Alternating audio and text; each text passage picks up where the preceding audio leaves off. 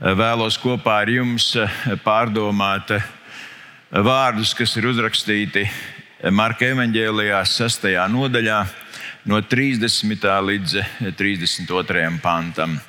Marka evanģēlijas 6. nodaļa, no 30. līdz 32. pantam. Un tur mēs lasām. Apostoli sapulcējās pie Jēzus un tam stāstīja visu, ko tie bija darījuši un ko tie bija mācījuši. Un Jēzus tiem saka, nāciet vieni paši saurup kādā vientuļā vietā un atpūtieties maķenīt. Jo daudz bija, kas nāca un gāja, un tiem nebija laika pat pāriest.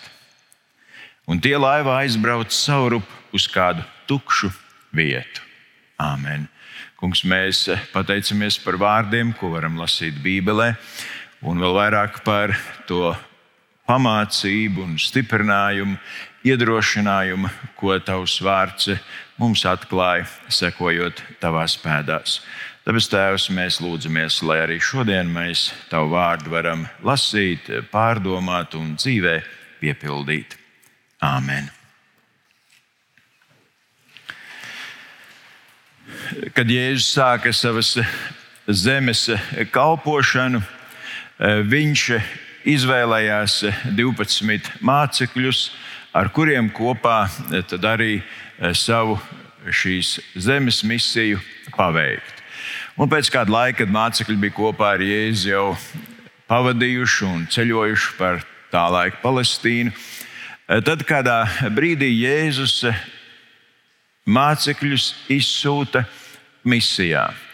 Viņš izsūta viņus pa divi, lai viņi iet pie ļaudīm, lai tie tiktu mācīti, lai svaidītu ar eļļu un dziedinātu, un lai atbrīvotu no dēmoniem. Arī šajā pašā Marka evanģēlijas sastāvā nodaļas sākumā mēs par to lasām.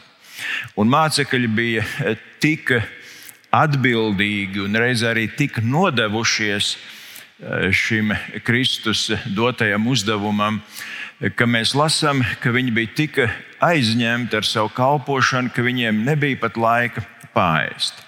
Un tad šādā situācijā, kad viņi atkal satiekas, Jēzus aicina mācekļus, kā mēs šeit lasījām, maķenīt, atpūsties.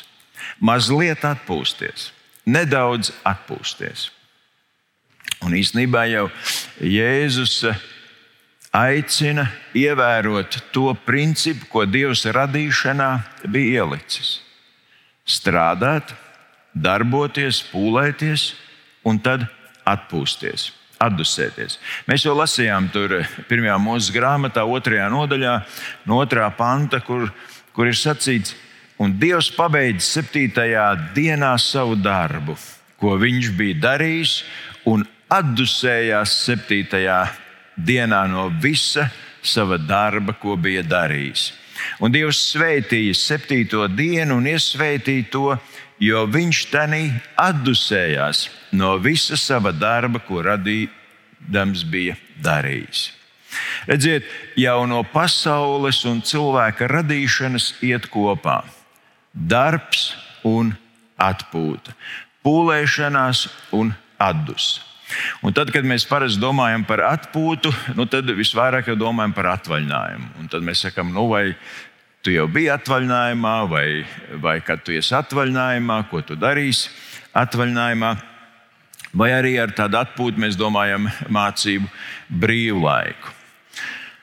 Kādas pāris dienas atpakaļ pie mums bija trīs mazdēli Nu, kā jau vienmēr, kur ir eh, puikas, tur ir liels aktivitātes, skriešana, ņemšanās, daudzīšanās. Un tad kādā brīdī Ome visus trīs piesēdina, lai lobītu zirņus. Un viņi tur lobu, un tad tur runājās, un, un eh, it kā viss iet tā ļoti labi. Bet tad kādā brīdī, eh, nu jau astoņgadīgais Rūbens saka, Omīte, es tagad iešu pensijā. Es vēlos beigt strādāt. Un viņam kaut kā liekas, ka nu, Nestrādāšana ir saistīta ar pensiju. Un tie, kas jūs esat pensijā, vai tiešām tā ir, kad vairs nekas nav jādara. Redziet, atpūta jau nav tikai atvaļinājums vai brīvlaiks.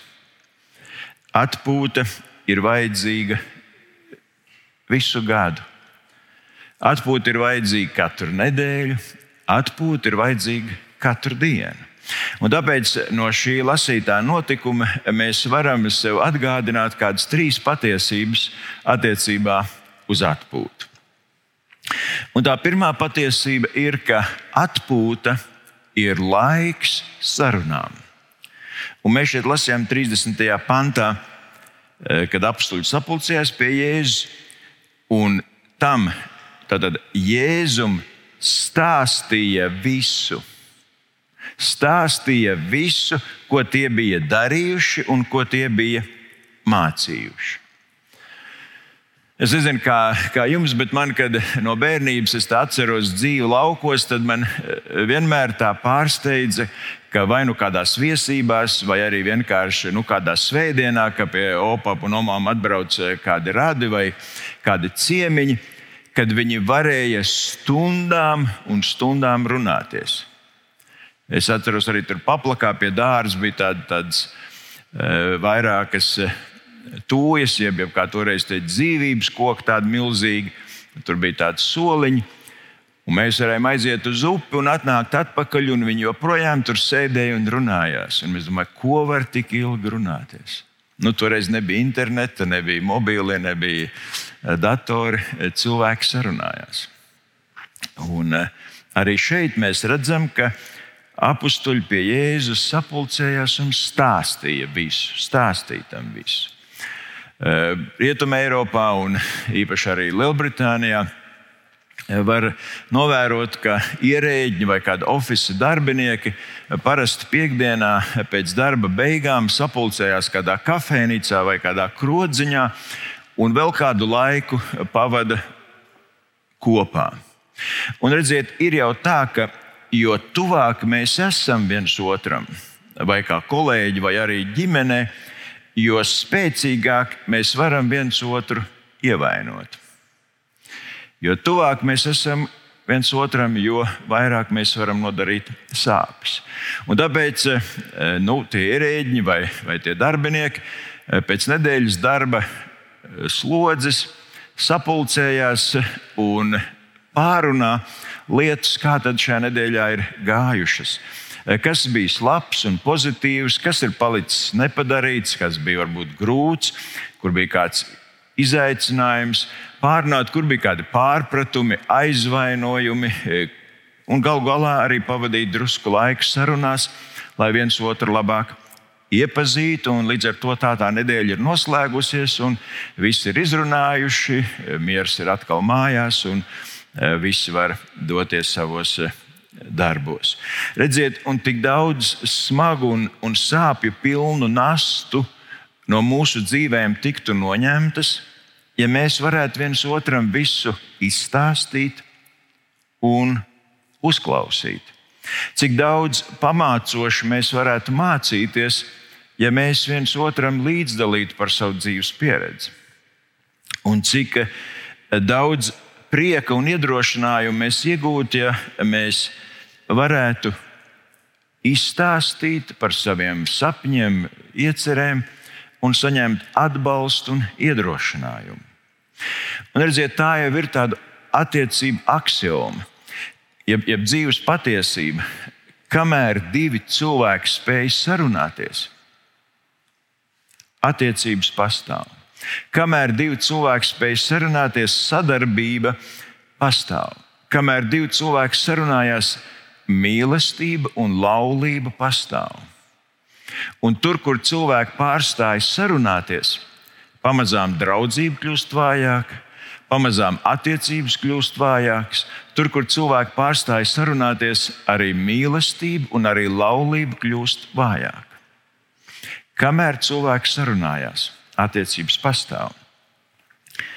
Sarunas īstas, patiesas, ieinteresētas par dzīvi, par ikdienu, padara mūsu dzīvi vieglāku. Un tāpēc tas jautājums jau ir, vai, vai es sarunājos ar tiem cilvēkiem, kas ir ap mani? Vai es ieklausos, vai cilvēki var man arī uzticēties?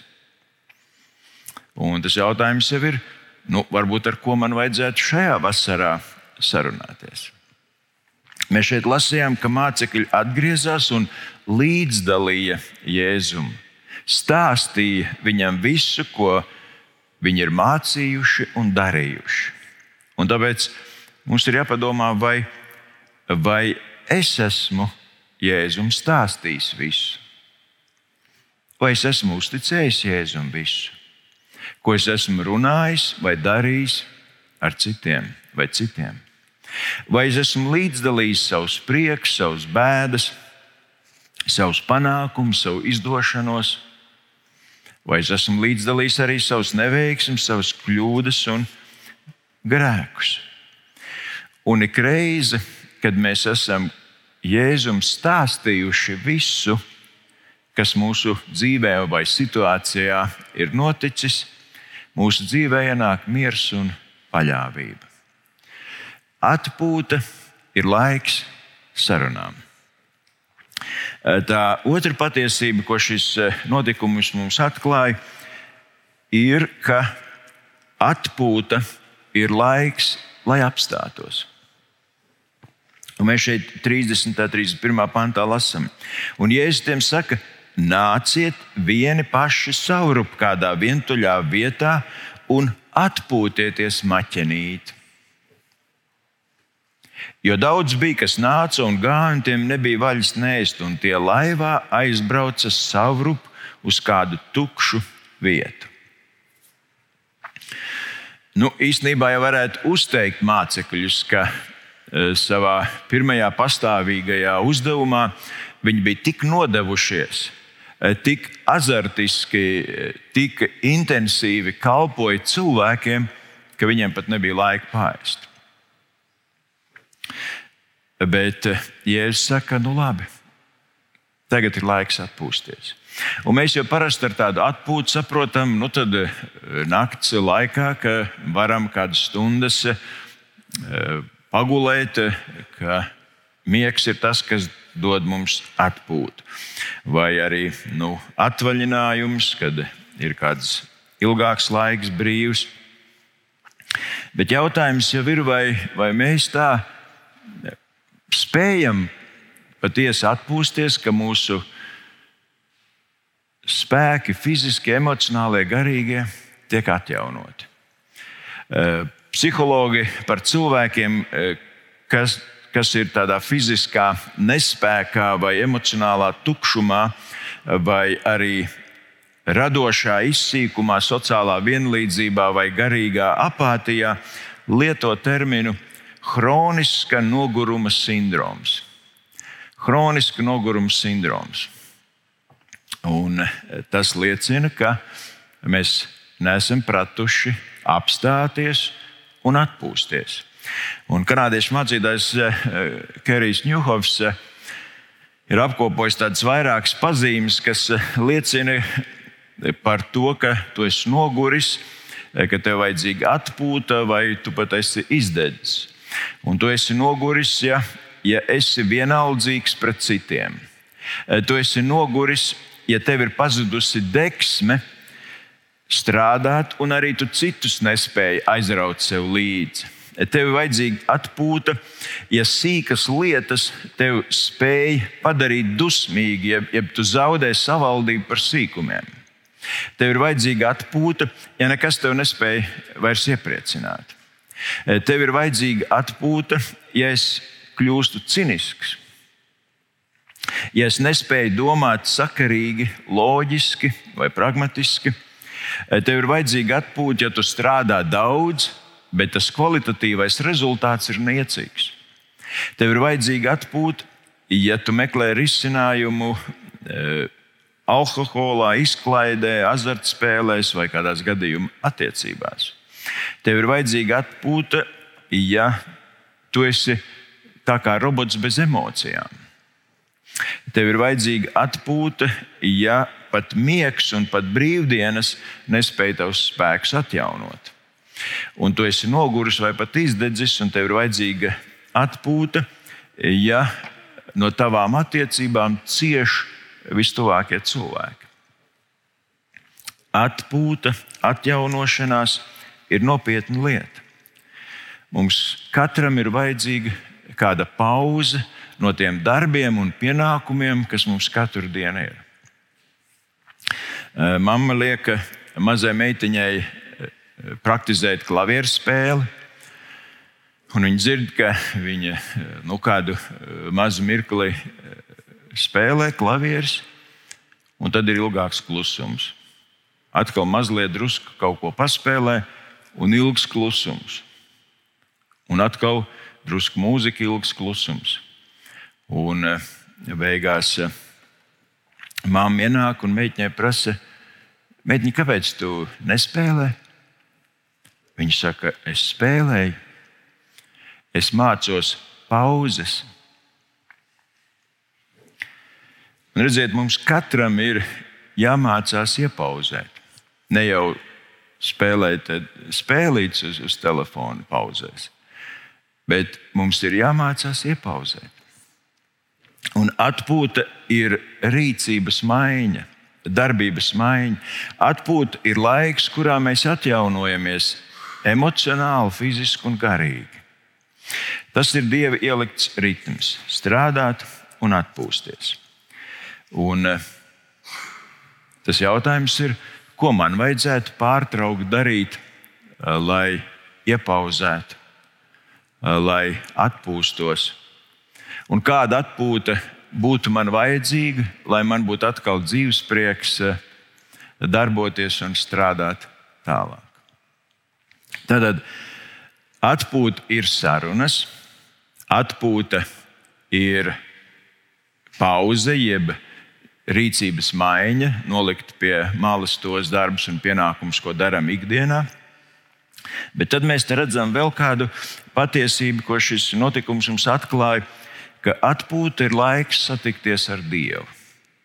Un te jau mēs lasījām 3. pantā, un apstuļi sapulcējās pie Jēzus. Un tam stāstīja visu, ko bija darījuši un mācījuši. Apstuļi sapulcējās pie Jēzus. Un redziet, kad mēs eh, lasām jau no radīšanas cauri vecajai derībai un jaunajā derībā, tad mēs saprotam, ka atpūta, jeb atdusa tādā dieva izpratnē, vairāk ir garīga aktivitāte, ne tik daudz eh, fiziska darbošanās. Atpūta ir laiks dievam. Atpūta ir laiks, kurā mēs paceļam savas acis uz mūžību.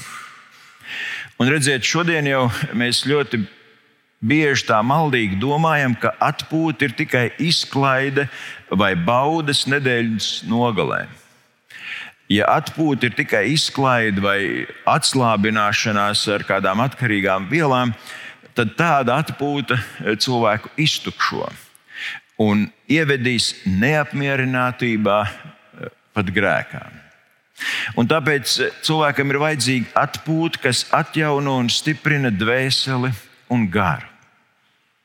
Mēs lasījām, mācekļi sapulcējās ap Jēzu. Būt kopā ar Jēzu, būt kopā ar Dievu savā ikdienā, nedēļā, dzīves skrējumā. Kāpēc tas ir tik svarīgi? Nu, tāpēc, ka Kristus jau pazīst mani vislabāk. Tāpat kā tēvs un māte pazīst savu bērnu, Kristus pazīst mani vislabāk. Un Kristus zina, kas man vajadzīgs. Kristum rūp mana dzīve. Un tāpēc, ka Kristus vienmēr atjauno un vienmēr dod jaunu iespēju cilvēkiem, ir tik svarīgi būt kopā ar viņu. Un tāpēc tas jautājums jau ir, ja tie izaicinājumi mums ir, vai man ir arī ikdienā kādi klusie brīži, kad es varu būt kopā ar Jēzu, kad es esmu sapulcējies pie Viņa. Varbūt piecelties kādu mirklīti agrāk, pirms pārējiem, un būt ar Dievu tūmā. Varbūt tas ir vakar brīdī, kad visi darbi ir nolikti un mēs varam būt kādā brīdī kopā. Varbūt tas ir, kad mēs dzeram kafiju vai braucot automašīnā eh, vai pastaigā. Vai klausoties mūziku, vai, vai klausoties cinepa graudiņu, eh, vismaz eh, katru dienas sākumu, ieklausīties, sarunāties, fokusēties kādu mirkli, piepildīt sevi ar Dieva vārdu un garu. Jo mēs jau neesam tikai fiziska būtne, bet Dievs mūs ir radījis sev, savā līdzībā. Citiem vārdiem sakot, mēs esam arī garīga būtne, kurai vajag garīgu atspirkšanu. Un viens no, no mūsdienu izaicinošākajiem konservatīviem domātājiem, kanādiešu psihologs, un YouTube personība, grāmatas 12 dzīves likumi autors,